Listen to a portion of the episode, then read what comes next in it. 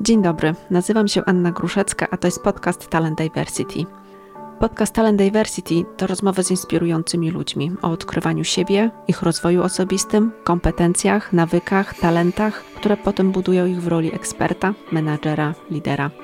O ich mocnych stronach i punktach zwrotnych, o tym jak działają, jak się realizują i o tym jak sami wspierają innych w rozwoju.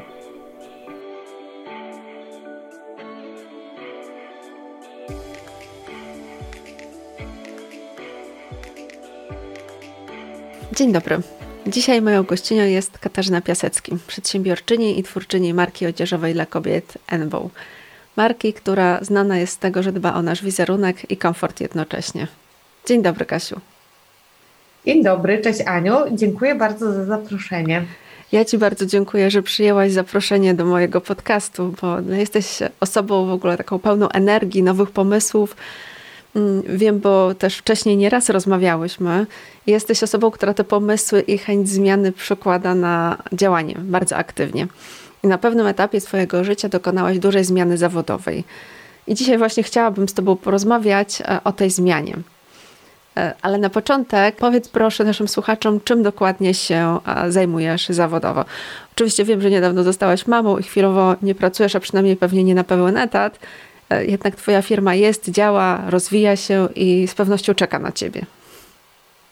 Tak, to prawda. Rzeczywiście parę dobrych lat temu dokonałam takiej bardzo dużej zmiany. Zmieniłam swoją, swoje, tak, swoją tą profesjonalną przygodę i życie z typowej korporacji w bankowości inwestycyjnej, gdzie zajmowałam się fuzjami, akwizycjami przedsiębiorstw i przeszłam z tego działu postanowiłam założyć swoją własną firmę, co było takim spełnieniem moich odwiecznych marzeń o byciu przedsiębiorcą, o kreowaniu czegoś, o byciu sprawczym, o kreowaniu czymś tak naprawdę na wiele, wiele lat, czegoś takiego bardzo stałego, co przyczyni się do rozwoju gospodarki, co da miejsca pracy.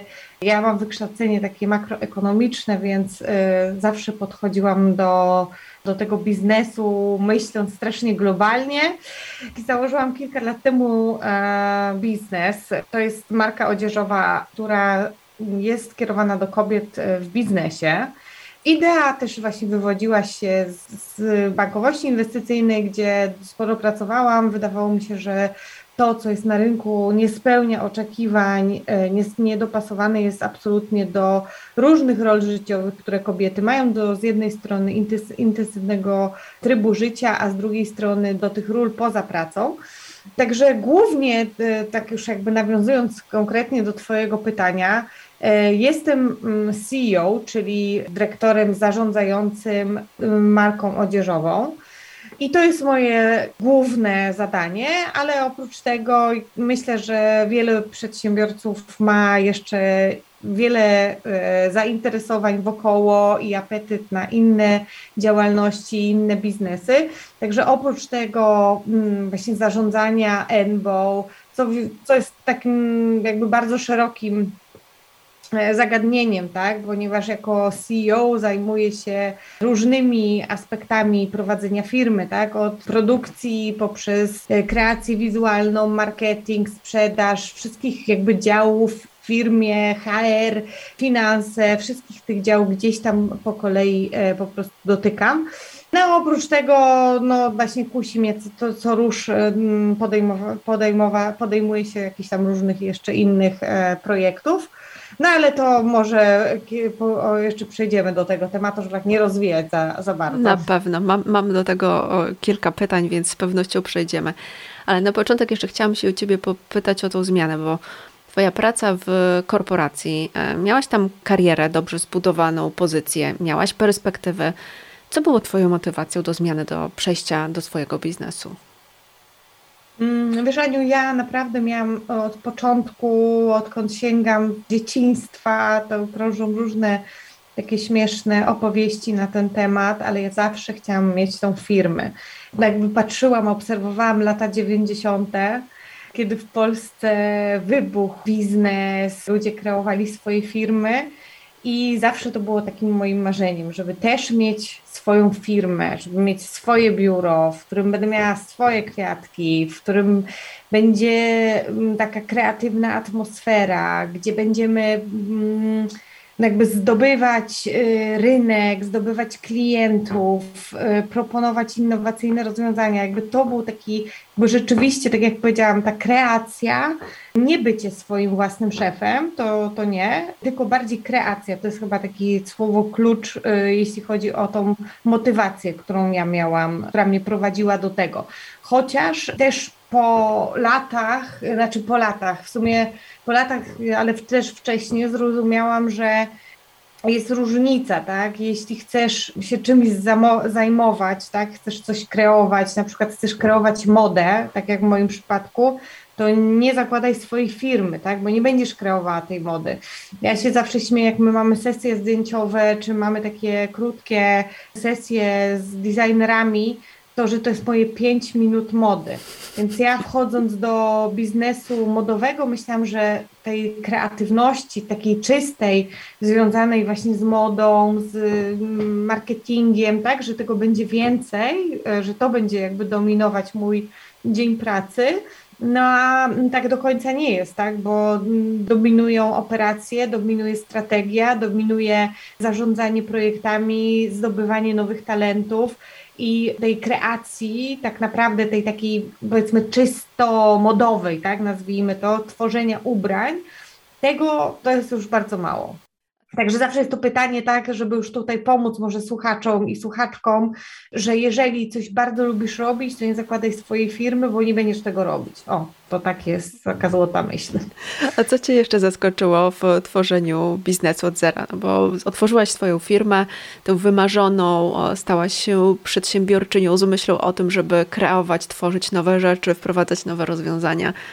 No, mówiłaś o tym, że te tworzenie strategii było jednym z takich elementów, którego się nie spodziewałaś. A co jeszcze? Nie, no wiesz, akurat strategii to ja zawsze chciałam tworzyć, także okay. tego to się spodziewałam, że tutaj będzie sporo takiego, wiesz, myślenia innowacyjnego, myślenia out of the box, myślenia, wiesz, ja też startowałam w branży, która nie jest prosta, jest bardzo dużo marek, jest bardzo dużo graczy, rynek jest generalnie rzecz biorąc, można by powiedzieć, e, bardzo taki wysaturowany znalazłyśmy swoją niszę i to też jakby w ramach tej strategii, o której my mówimy, trzymałyśmy się tej strategii, aby właśnie adresować naszą komunikację do, do kobiet w biznesie, ale po drodze też bardzo dużo jakby takich innowacji w zakresie, zakresie sprzedaży było wprowadzane do ENBO po to, no żeby jakby wygrać na tym bardzo tłocznym e, rynku, wyróżnić się, z drugiej strony zaoszczędzić koszty, z trzeciej strony dotrzeć bardzo docelowo do klienta. Mm, nie takimi klasycznymi kanałami. Także wiesz, strategia zawsze też wiedziałam, że tym się będę zajmować i tym się chciałam zajmować. Natomiast jeśli chodzi wiesz o zaskoczenia, wiesz, jakby wszystko jest zaskoczeniem. W początku, wiesz, jak jesteś e, przedsiębiorcą, to wydaje mi się, że też jesteś optymistą, takim z natury. Widzisz dużo rzeczy przez różowe okulary.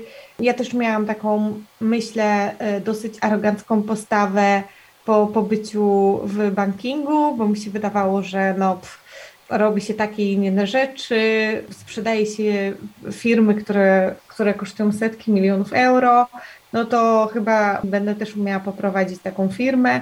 No, tak naprawdę wiesz, no, taką Boże historią, którą ja się lubię dzielić, która obrazuje tak, to zaskoczenie. To była wyprawa na targi materiałów. Ja jakby wiedziałam, czego szukam, wiedziałam, że te materiały muszą być wygodne, że mam kobiety na spotkaniach biznesowych, mają się w nich nie pocić, ma się nie gnieść, masz wrzucić do pralki, ma się tego nie prasować, tak, to wiedziałam. No i pojechałam bardzo entuzjastycznie i odważnie na, na targi do Paryża, przeszłam przez te wszystkie bramki, kupiłam bilety, zostawiłam płaszcz w szatni, no i wjeżdżało się taką windą jakby do, do góry, ta winda się tak otwierała i przed moimi oczami, tak jak mówię, wjechała na szczyt góry i zobaczyła takie wielkie miasteczko z tego szczytu góry. I to miasteczko składało się z takich małych jakby sklepików, takich stendów i w każdym z tym stędzie wisiały setki słoczy, czyli takich kawałków materiału na wieszaczkach i z tego trzeba było wybierać i szukać tej przysłowiowej igły e, w stołu siana, więc jak ja to zobaczyłam, to szczerze powiedziawszy, wiesz, bez wykształcenia w ogóle zerowego w zakresie mody czy designu, no to zaczęłam się mocno zastanawiać, jak ja w ciągu trzech dni znajdę tutaj ten materiał, o który mi chodzi, który mam w głowie. Także to takie początkowe zdziwienie, a to zdziwienie myślę, że się kontynuowały, wiesz, przez wszystkie działy, które wymieniłam poprzednio. Także zawsze jest jakaś e, nauka, niespodzianka. No życie CEO ogólnie rzecz biorąc jest kolorowe i myślę, że takim wielkim challenge'em w tym wszystkim jest zmiana kontekstu. Zresztą to tak chyba każdy szef tak ma, że e, po prostu w ciągu pół godziny trzeba zajmować się na przykład trzema różnymi tematami i przywoływać sobie różne rzeczy, więc jakby ten, ten kontekst switching to jest takie dosyć mocno wymagające. Rzeczywiście własna działalność, własna firma to jest tak naprawdę ciągły rozwój, ciągłe uczenie się czegoś nowego. Sama mówisz, że też rozpoczynałaś e, prowadzenie firmy w branży, która dla ciebie była stosunkowo obca. E, gdzie zdoby, skąd zdobywałaś wiedzę? Skąd czerpałaś informacje na temat branży, materiałów? Wiesz co, no to na pewno był miks takiego researchu w internecie, próby spotkania się z jakimiś ludźmi, którzy coś wiedzą, tak? Ale też kto to jest, to też do końca nie wiedziałam. I też y, takich trochę też przypadków, tak? Że wpadania po prostu na, na ludzi, na okoliczności, na pomysły, które gdzieś tam się składały w jakąś tam całość, tak? To była jakby kwestia tego, być może to nie do końca osoby, które stanęły gdzieś na mojej drodze, były osobami, które miały coś tak bardzo w związku z modą, ale te szczątkowe informacje gdzieś tam składały się w jakąś taką całość i to mnie pchało do przodu. Także, także tak, jeśli chodzi o tą taką, wiesz, wiedzę merytoryczną, stricte, jeśli chodzi o branżę, to, to mówię, to jest jakiś tam zlepek przypadków, tak? Natomiast w firmie modowej to też to jest naprawdę design i produkcja mody, to jest tylko naprawdę ułamek tego, co trzeba zrobić, tak? Więc to. A co w takiej właśnie firmie odzieżowej liczy się najbardziej? Co się liczy najbardziej? No wiesz, jakby zawsze się liczy najbardziej sprzedaż i marketing. Tak, no i szczególnie, mm, znaczy wiesz, tutaj też jest tak, że firma odzieżowa to jest też e, moim zdaniem jedna z gorszych i bardziej takich wyzy, e, wyzywających branż, ponieważ e, jakby jeśli popatrzysz na taką stronę, pomijając konkurencję i takie jakby sezonowość, tak, no to mm, musisz cały czas coś nowego produkować zaskakiwać klientkę, dostarczać im nowych rzeczy, takiego podniecenia tak, tymi rzeczami. A z drugiej strony to, co uważam, że teraz w ostatnich latach jest to bardziej nagłośnione, natomiast to zawsze było w DNA NBO, żeśmy walczyły tak jakby z drugim frontem, z taką sprzeczną siłą do tej pogoni za czymś trendy, że my w NBO zawsze wierzyłyśmy w to, żeby produkować rzeczy na lata, a nie na sezony czyli produkować rzeczy, które nie mają żadnych e, kompromisów, jeśli chodzi o komfort, o krój, o wytrzymałość, więc to zupełnie jakby stoi w przeciwieństwie do fast fashion i do tego, że co sezon zmieniasz ubrania i że co sezon je kupujesz i wyrzucasz i kupujesz i wyrzucasz. I z jednej strony, wiesz, no, klienci są do tego przyzwyczajeni, wiesz, znaczy jakby to jest z nami, tak? Fast fashion jest z nami, e, rynek jest, e, nie chcę używać takich słów, tak, ale no jesteśmy powiedzmy przyzwyczajane coraz bardziej do obniżek, do wyprzedaży, do tego, że wszystko mało kosztuje, tak? A my z drugiej strony chcemy być tą taką naprawdę etyczną marką, która po prostu no, musi kosztować, bo jest danej jakości, z założenia ma ci służyć więcej niż jeden sezon z założenia to ma być Twoja ulubiona rzecz w szafie. Ona nie będzie nigdy modna, seksowna, jakaś tam, prawda? Taka nad wyraz, tylko będzie po prostu taka stabilna, tak? Więc to jest, myślę, e, dosyć duże wyzwanie, jeśli chodzi, wiesz, o, o tą stronę taką modową, produkcyjną, Natomiast w tym takim tłumie właśnie tych marek różnych i w takim mindsetie, tak jak już powiedziałam, tej fast fashion, no znaleźć ten głos i przebić się ze swoim głosem, no nie, nie jest po prostu tak łatwo, tak? To nie jest coś, co, co tak w tym chaosie informacyjnym z różnych stron, tak? Do, do wszystkich dociera. Rzeczywiście to jest bardzo trudne, natomiast widzę, że też jest coraz więcej marek, które działają w ten sposób. Ja chciałam się zapytać w związku z tym, co Tobie pomogło, żeby taki wizerunek marki stworzyć, żeby Twoja marka właśnie z tym się kojarzyła i żeby dzięki temu też tę markę budować e, i rozwijać na rynku.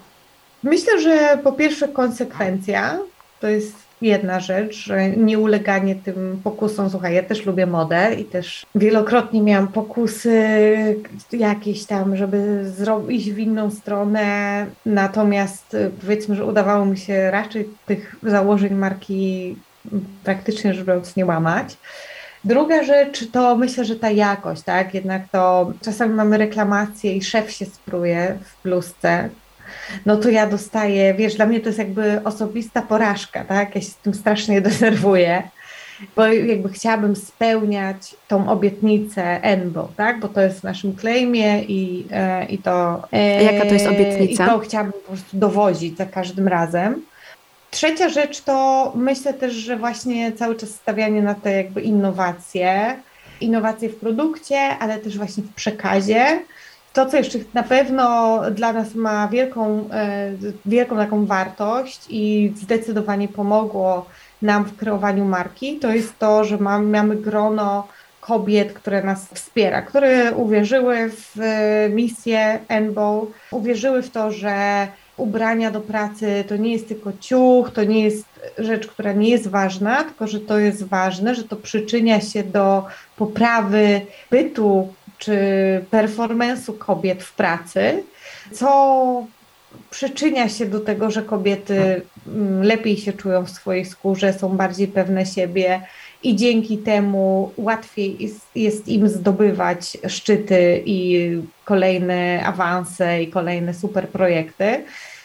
Mamy grono po prostu ambasadorek, które w taki, a nie inny sposób nas wspiera i promuje i i też nam daje takie, szczerze powiedziawszy, dla mnie jako CEO, takiego, takie poczucie w tych gorszych chwilach, że y, to, co robię, ma sens i że nie można się poddawać i że marka ma rację bytu na rynku, tak? Także to, to myślę, że to jest taka jakby trzecia rzecz, która wpływa tak na to, że, że marka jest tu, gdzie jest i, yy, i ma taki, a nie inny odbiór. A jeszcze mm, a propos własnej firmy, co firma dała Tobie, Tobie jako Kasi? Fajne pytanie, że ja jestem zupełnie inną osobą niż byłam przed założeniem tej firmy. Ta firma, oprócz tego, że no oczywiście Cię trenuje, tak, cały czas, rzadko się zdarza chwila takiego komfortu, natomiast y, to, co zdecydowanie mi dała ta firma, to jest jakby poznanie siebie i poznanie swoich dobrych stron, i poznanie swoich złych stron i y, nauczenie się, jak te mocne y, strony wykorzystywać, a jak te słabe strony je pokonywać i może też y, właśnie to, mm, głównie to chciałam teraz moją wypowiedź bazować na tych negatywnych rzeczach, tak, które o sobie myślimy, które dowiadujemy się tak, że je mamy, tak, że dowiadujemy się o sobie, że są pewne rzeczy w naszym toku myślenia, w naszym postępowaniu, które nas blokują, które powodują, że że, że nie idziemy dalej, e, no to jakby moim zdaniem dowiedzenie się o nich jest po prostu bezcenne, tak? Bo można nauczyć się po prostu z, z tym dealować i nie pozwolić takim bezsensownym blokadom psychicznym e, niszczyć jakby, nie wiem, sukcesu, progresu. Także to, to myślę, że, że jakby takie wejście, spojrzenie na siebie, i jakby ten self-development, tak? Ja tego wcześniej w korporacji nigdy nie robiłam. Jak ja byłam w korporacji, to jeszcze, wiesz, y, to nie było jeszcze takie nasilone, tak? Nie było y, tak dużo tych networków kobiecych, nie było memów w internecie, nie było Adama Granta, wiesz o co chodzi, tak? Że, że jakby ten self-development był taki w ogóle niedostępny, on nie było, nie było się łatwo na niego natknąć, tak? Żeby człowiek tak spojrzał w lustro i się zapytał, hej, co jest, nie? Gdzie jest dobrze, gdzie jest źle. I, no i to myślę, że to jakby, jakby moją misją też się stało to, żeby jakby ludziom, no szczególnie kobietom, ale ja też pracuję z młodymi ludźmi, więc to jest taka moja misja, e, żeby właśnie ludzi zachęcać do robienia testów, do czytania o różnych metodach, e, do poznawania się, bo to jest moim zdaniem droga do, do sukcesu. Rozumiem, że nie było wtedy bardzo popularny taki ten self-development, o którym mówisz i rzeczywiście w, w tamtych czasach tego, aż, to, tego nie było aż tak dużo. Natomiast skoro zawsze myślałaś, że chcesz być przedsiębiorczynią, to jakie umiejętności w międzyczasie próbowałaś sama rozwijać? Może nie poprzez korpo, ale w ogóle sama, sama dla siebie, żeby później lepiej sobie poradzić. Podczas studiów E, cały czas snułam jakieś tam pomysły i gdzieś tam myślałam o nich, rozmyślałam o nich, rozmawiałam, ale nigdy nie miałam takiej odwagi do tego, żeby to zrobić. Zawsze mi się wydawało też, że to będzie przeszkadzało w mojej edukacji, że nie mogę sobie pozwolić na takie dwa projekty. Uważam, to był błąd. Druga rzecz, ja cały czas szukałam swojego miejsca na świecie, robiłam przeróżne praktyki. I w końcu, jak się pojawił ten banking i M&A na horyzoncie, to jakby to, to do mnie jakby zaskoczyło, tak? Bo ja wiedziałam, że jak ja pójdę do M&A'ów, to mm, tam przynajmniej w części jakby dowiem się o co chodzi, tak? W tej firmie, jak to się robi ten biznes, jakie są operacje. I to był chyba taki mój, mm, moja główna przed, przed podjęciem tego, pod, podjęcie tej decyzji, że otwieram swoją firmę, to, to na pewno ja poszłam do, poszłam do korpo. Wiesz, no to nie chcę mu powiedzieć, że ja już wtedy wiedziałam, jak szłam do bankingu, że ja to zrobię, tak, kiedyś tam, bo banking ja to ba też bardzo lubiłam, to mi się podobało, podobało mi się to środowisko, podobały mi się tematy, którym się zajmowaliśmy, podobali mi się ludzie, którzy tam yy, też pracują, pracowali. Natomiast mówię, ja szłam do M&A z taką po prostu fascynacją tym tematem, żeby się dowiedzieć, jak firmy funkcjonują i jakie są rynki, jakie są trendy i to, że jakby dzień w dzień będę się tym zajmować, to było dla mnie jakby interesujące. A teraz z perspektywy czasu myślisz, że to dobrze, że miałaś takie doświadczenia korporacyjne przed założeniem firmy? Czy byś, gdybyś mogła cofnąć czas, to byś od razu założyła firmę? Wiesz co, myślę, że z jednej strony to jest dobre, bo szczególnie moja działka oczywiście nauczyła mnie wielu rzeczy na temat tego mm, właśnie what makes the company tick, jakie są działy, jak to się robi, jakie są trendy, na co ludzie zwracają uwagę. Dlaczego firma kosztuje X, a nie Y, prawda? To, było to, to, to jest jedna rzecz. Druga rzecz, na pewno nauczyła mnie pracować, takiej dyscypliny pracy, higieny pracy Nauczyło mnie rozmo- rozmów z różnymi ludźmi, tak, którzy, którym trzeba coś sprzedać, do, do których trzeba do czegoś namówić. Także z jednej strony tak, uważam, że to było super doświadczenie. Natomiast z drugiej strony na pewno to, co myślę taka korporacja robi z tobą, to jest to, że no wi- wiadomo też dlaczego tak jest, tak? Ale w, w pewnych aspektach ja miałam takie wrażenie, y, że, znaczy zrozumiałam to po kilku latach, że na początku firmy był tak zwany over-engineering, tak? czyli wszystko było za dużo, za mocno, tych Exceli, tych prezentacji, których nikt nie miał oglądać, ale one były super pięknie zrobione. Zamiast eksperymentować i raczej jakby zajmować się praktyką, to ja y, sporo czasu zajmowałam się jakąś tam teorią. Także myślę, że korporacje jakby mają taką, znaczy wiesz, no bo musisz, to jest, w korporacji pracujesz z wieloma ludźmi, więc pewien output po prostu musi być e, zjadalny i dostępny dla wielu osób, tak, e, z którymi się musisz podzielić swoimi wnioskami, przemyśleniami, pomysłem. Natomiast w startupie chodzi zdecydowanie o eksperyment, o działanie szybko, o działanie, sprawdzanie, weryfikowanie, e, zmienianie, a nie po prostu trzymanie się jakiegoś tam jednego pomysłu i produkowanie papierów, nazwijmy to tak kolokwialnie, które nikomu do niczego nie służą. Ja teraz prowadzę, nie wiem jak to się stało, że to już trwa tyle czasu, ale chyba z 5 albo 6 lat jestem na Cologne Business School. Jestem tam takim profesorem e, gościnnym i tam mam taki kurs co semestr Startup ABC, gdzie podczas weekendów dwóch prowadzę taką symulację ze studentami, no to załóż teraz swój startup i co e, trzeba zrobić, żeby ten startup założyć, co trze trzeba sobie szybko przemyśleć, jak to weryfikować.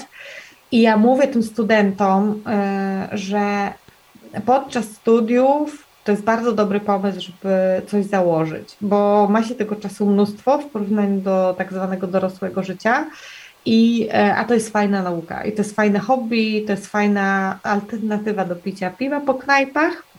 E, także studentom przekazuję to, a kobietom, które e, czasami przychodzą i pytają się mnie o jakąś radę, czy, czy przychodzą na, na coaching, który też od czasu do czasu, e, czy mentoring e, bardziej prowadzę, kobiety, ja radzę też kobietom, żeby nie rzucały od razu korpo, e, bo da się wygospodarować i są tego przykłady na rynku kobiet, które obok pracy jeszcze coś tam e, swojego zaczynają, próbują małymi kroczkami.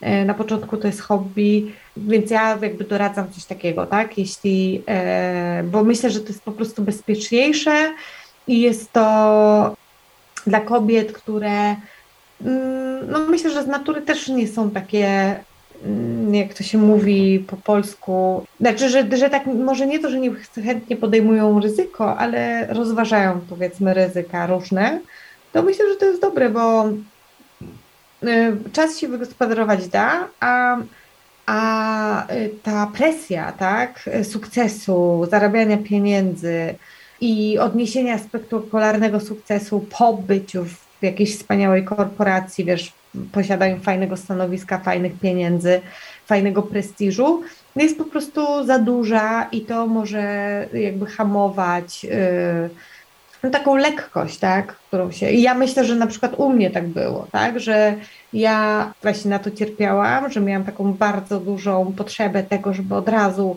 Enbo to była wielka firma, żeby ona była postrzegana tak jako taki coś ogromnego i strasznie już przynoszącego miliony.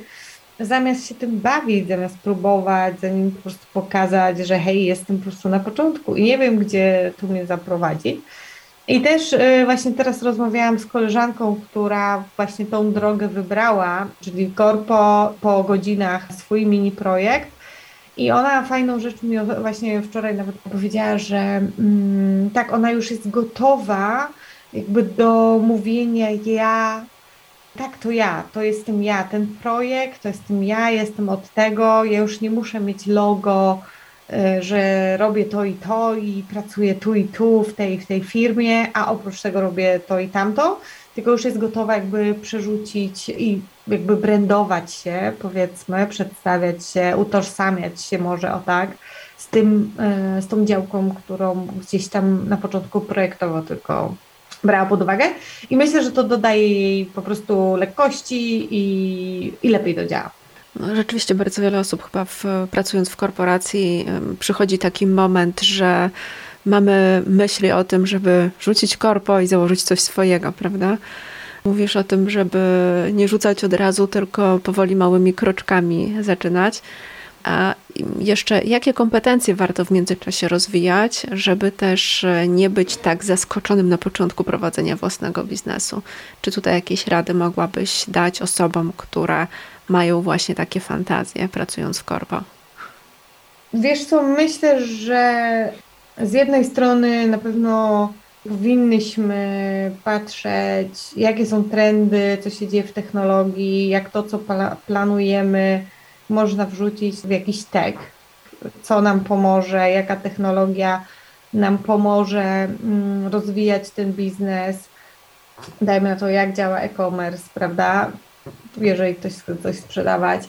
e, jakie są trendy tutaj, więc to jest taka jedna rzecz, której trzeba się na pewno orientować. Druga rzecz, którą myślę, to już tak bardziej miękko, to jest to, że powinniśmy powinniśmy robić networking, żeby mieć jak najwięcej ludzi, których możesz zaczepić tak, o swój biznes, zapytać ich o zdanie, y, ściągnąć ich do zespołu, y, poprosić o polecenie, sprzedać, y, kupić, co tam potrzebujesz tak, do biznesu, więc na pewno ten network.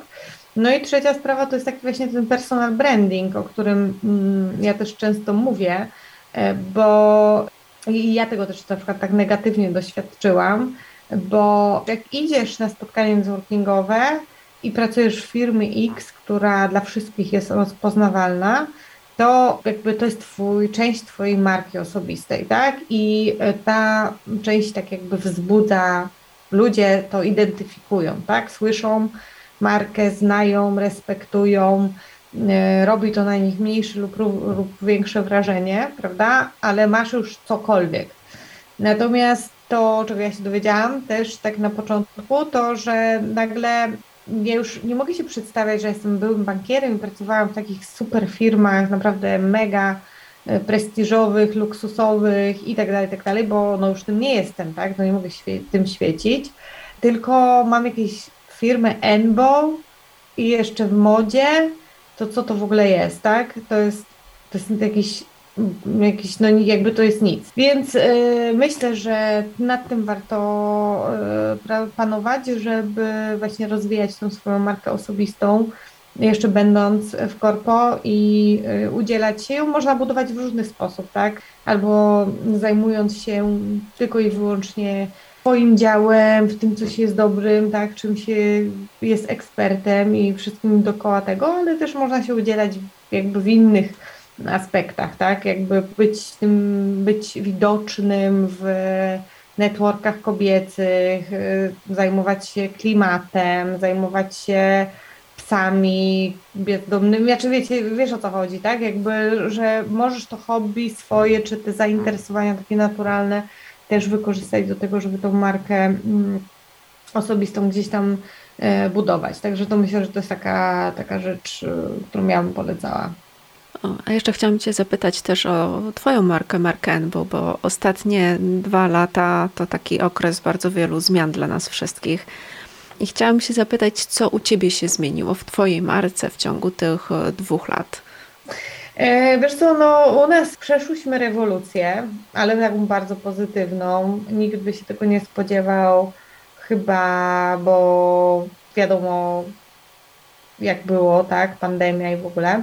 Ale tak, e, raz, że raz, że nasze ubrania zawsze były futurystyczne i zawsze stawiały na komfort.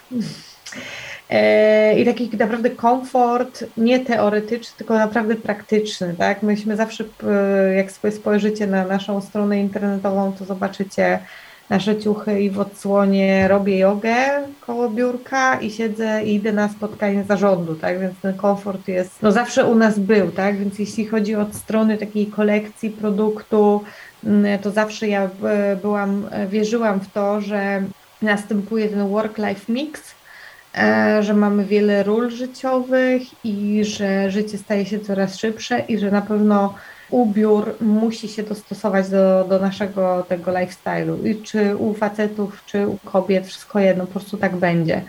No i pandemia jakby przyspieszyła temat work-life mix i, i dlatego my z, jakby z punktu widzenia takiego jakby produktowego nie miałyśmy nigdy z tym problemu.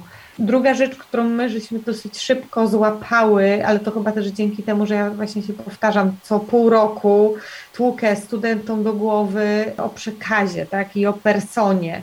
I tak, i persona przed pandemią, nasza persona latała dwa razy w tygodniu samolotem, chodziła miała pod biurkiem szpilki i chodziła na, na zarząd, tak? E, po czym spotykała się w piwnicy ze swoim IT team.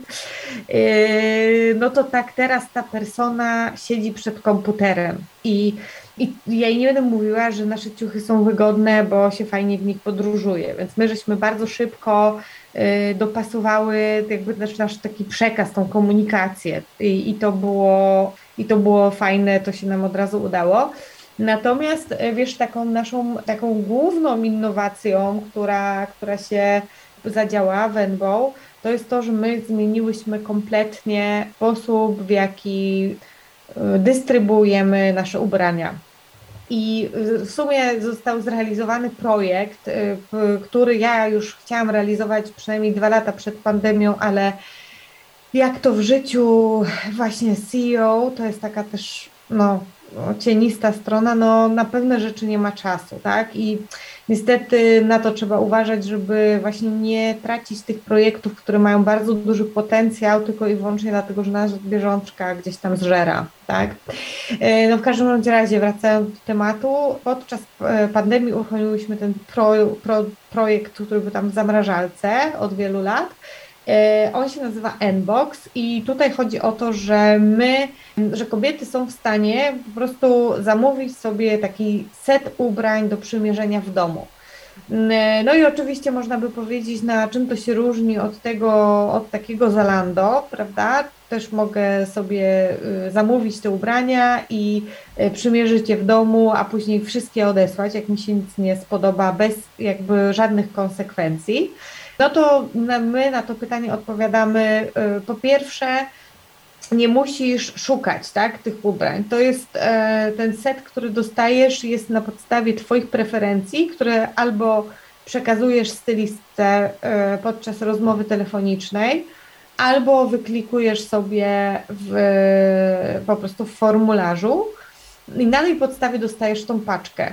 Możesz też jakby zaznaczyć, albo jak jesteś nową klientką, to my też często pakujemy już dwa rozmiary, więc nie ma tego problemu, że jest, y, wiesz, że później nie wiesz, a, że może bym zamówiła jednak L, bo ta M trochę się waham i tak dalej, i tak dalej. Także wszystko jest jakby to jest dopasowane do ciebie, jest za ciebie zadecydowane, w sensie takim, że odbieramy ci ten ciężar tego scrollowania i myślenia, czy ta jakość będzie dobra, czy to jest coś dla mnie, czy to jest do mojej figury, tylko bardziej, tylko no też nasz produkt na to pozwala, po prostu dostarczamy Ci takie jakby gotowe rozwiązanie. No i to ten Nbox y, właśnie powstał w marcu, zaraz od razu po, po wybuchu pandemii. Y, to był też fajny okres w sumie, bo tak jak mm, ja właśnie wracając do overengineeringu zawsze właśnie po prostu za dużo wkładam e, w to perfekcji. Tak tutaj nie miałam czasu, w ciągu dwóch tygodni powstała cała infrastruktura e, tego boksa, e, rozpisany koncept. No i co? No i okazało się, że to jest dokładnie to, na co tak naprawdę rynek czekał co nasze klientki, nasza grupa docelowa mm, lubi, e, co im się podoba, mm, co jest rozwiązaniem, co jest czymś, co po prostu oszczędza czas, ale z drugiej strony dostarcza też trochę atrakcji, e, bo można w domu pomierzyć, zmierzyć sobie ze swoimi rzeczami, zestawić, tak, stworzyć te takie, takie uniwersalne sety. No i tak, tak. I to jest właśnie taka rzecz, którą, którą robimy e, teraz od dwóch lat i to bardzo fajnie nam działa. I tak myślimy, jak to jeszcze dalej właśnie rozszerzać, jak, jak pokazywać ten serwis e, nowym klientkom, nowym krajom i tak dalej. Myślę, że to rzeczywiście jest mega innowacyjne rozwiązanie, bo ja wcześniej się z, z tym nie spotkałam na rynku. I to może być dla, to co mówisz, takie zdjęcie z ciężaru z kobiet, żeby wybierać, dobierać, analizować, czy to na pewno to, czy nie to, a zadecyduje za nas stylistka, która się po prostu na tym zna. No tak, też wiesz, jest coś takiego jak paradox of choice, czyli z jednej strony lubimy mieć wybór, bo to daje nam poczucie tak. wolności, a z drugiej strony yy, jak widzisz, że masz przejrzeć 100 stron, no bo zawsze cię kusi, tak, a no to jeszcze jedną stronę z białymi bluzkami, a to jeszcze jedno, a to jeszcze jedno, a tutaj masz faktycznie e, po prostu jakby stylistka słucha, stylistka analizuje ten kwestionariusz i po prostu dostajesz to, co, czego potrzebujesz. I nasze, no tak jak patrzymy na nasze jakby wyniki, tak, ile, jak powiedzmy trafność, tak, tego, co jest w boksie, no to jest ona naprawdę imponująca. Super. Kasiu, poza marką odzieżową prowadzisz też e, szkolenia z marki osobistej, z e, szkolenia rozwojowe dla kobiet. Wiem, że też prowadzisz mentoringi, bierzesz udział w różnych spotkaniach mentoringowych. Jak jeszcze wspierasz kobiety w rozwoju? Prowadzimy szkolenia. Wzięło się to stąd, że ja, mm, tak jak Ci mówię, ja szłam do tego bankingu, nie widziałam za bardzo tego, że kobiety potrzebują pewnych szkoleń. Dopiero po mm, tym, jak założyłam nowe, swoją firmę, to zauważyłam, że jest rzeczywiście sporo problemów. Sama analizując swoje jakieś tam postawy, stwierdzam, że też mogłam grać lepiej yy, w tamtych czasach. Mm, no więc zaczęło się gdzieś tam za namowami, ponieważ ja lubię mówić i, i zaczęłam prowadzić takie szkolenia z marki osobistej. Prowadzę je też jakby we współpracy tak, z, z moją nadworną stylistką, która lubi mówić o ciuchach. Ja się skupiam na tym, wiesz co, żeby uświadomić kobietom, to, że ta, ta marka osobista i jest bardzo ważna i że komunikacja niewerbalna jest, tak, że to jest fakt, a nie jakaś mrzonka mimo totalnej deformalizacji miejsca pracy i tego, jak się, no jak jest, y, wiesz, trend na diversity inclusion, tak, że te nieświadome uprzedzenia są, E, i będą, i to jest no, ludzka natura, że my powinniśmy wiedzieć, że one są, powinniśmy próbować je kontrolować, ale jest tak, że, że robimy to wrażenie pierwsze w ciągu 10 sekund i to ma wpływ na róż- i to ma konsekwencje. Więc to jest taka moja misja. E, tak jak powiedziałaś, udzielam się w różnych organizacjach takich prokobiecych, Raz, że jest to super networking, taka wzajemna in, inspiracja, ale też yy, no, możliwość jakby dowiedzenia się też, jakie są właśnie te globalne trendy, jakie są, bo to też jest kopalnia taka nieodkryta dla osób, myślę, kto, które się tym nie interesują i to ignorują, tak jak ja w przeszłości, to yy, dowiadujesz się, tak, że na przykład wszystkie leki, tak naprawdę cała medycyna opiera się na męskim ciele, tak? że zupełnie jest zastosowana na, do damskiego ciała. Że konferencja jakaś tam bezpieczeństwa w Monachium, tam naprawdę nie ma ani jednej kobiety. Nie jest jedna. Dzisiaj się dowiedziałam, wyszła e, jakiś tam head z Iłaja na, mm, już nie wiem na jaki region, ale okazało się, że tam była jako jedna, jedna kobieta. Więc jakby widzisz, tak, zaczynasz widzieć te, te, te takie obszary i no ponieważ my tak czy tak już mamy tą platformę do, do promocji kobiet biznesu, no to też jakby mamy taką działalność misyjną, żeby zwracać uwagę na, i odkrywać kolejne takie obszary, gdzie, gdzie tych kobiet jest jeszcze po prostu za mało. Mentoring, mm, no to wiadomo, tak, jakby też, e, też tutaj od czasu do czasu mam przyjemność e, e, być czyimś mentorem. Mm, lubię też mentorować młodych ludzi, młode kobiety, bo to też jest zawsze spore pole do popisu i do zmiany. No nie wiem, czy jeszcze coś Super. wspieram. To i tak bardzo dużo mam wrażenie rzeczy, które robisz i które pozwalają też innym korzystać z Twojej wiedzy, doświadczenia, żeby nie być później też tak zaskakiwanym e, w momencie, kiedy wchodzą w własny biznes, kiedy zakładają własne firmy. Bo rzeczywiście jest to zaskoczenie. Ja też mogę to potwierdzić ze swojego doświadczenia, że jest bardzo dużo rzeczy, którymi trzeba zarządzić i E, zarówno takich operacyjnych, ale też takich ludzkich, bym powiedziała nawet, bo to, to też nie zawsze się spodziewamy, że te relacje i zarządzanie ludźmi w korpo jest troszeczkę inne, troszeczkę inaczej czasami wygląda niż w mniejszej firmie. Zdecydowanie.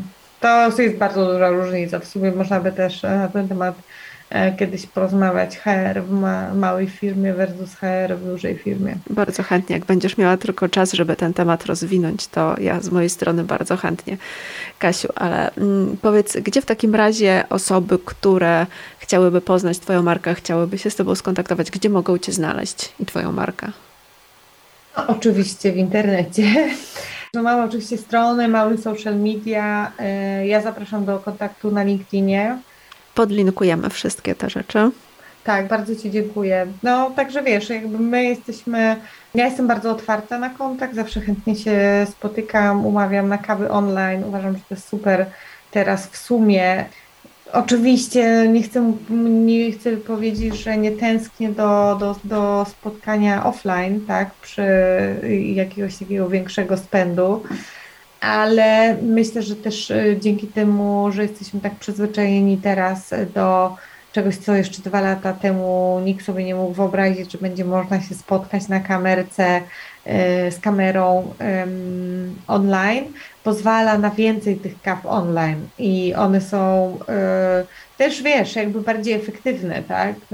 Przechodzimy od razu do rzeczy, wiadomo, to spotkanie jest po prostu ma inny charakter i no i dzięki temu jest po prostu trochę więcej czasu, tak, na, na to wszystko. Nie trzeba dojeżdżać na tą kawę, nie trzeba czekać na kawę. Kawę się samemu robi, można, można to się prawda. połączyć. Aczkolwiek jak będę w Warszawie z przyjemnością spotkam się z Tobą na żywo na prawdziwej kawie. O, cudownie, to cieszę się. Kasiu, bardzo Ci dziękuję za dzisiejszą rozmowę, za poświęcony czas, bo wiem, że teraz e, masz go zdecydowanie mniej, także jeszcze raz ślicznie dziękuję. Bardzo dziękuję Aniu za inspirującą rozmowę. Mam nadzieję, że mm, będzie ona inspiracją dla, dla wielu e, Twoich słuchaczek. I co? I mam nadzieję, że do zobaczenia jeszcze kiedyś. Do zobaczenia, do usłyszenia. Dzięki, cześć. Dziękuję.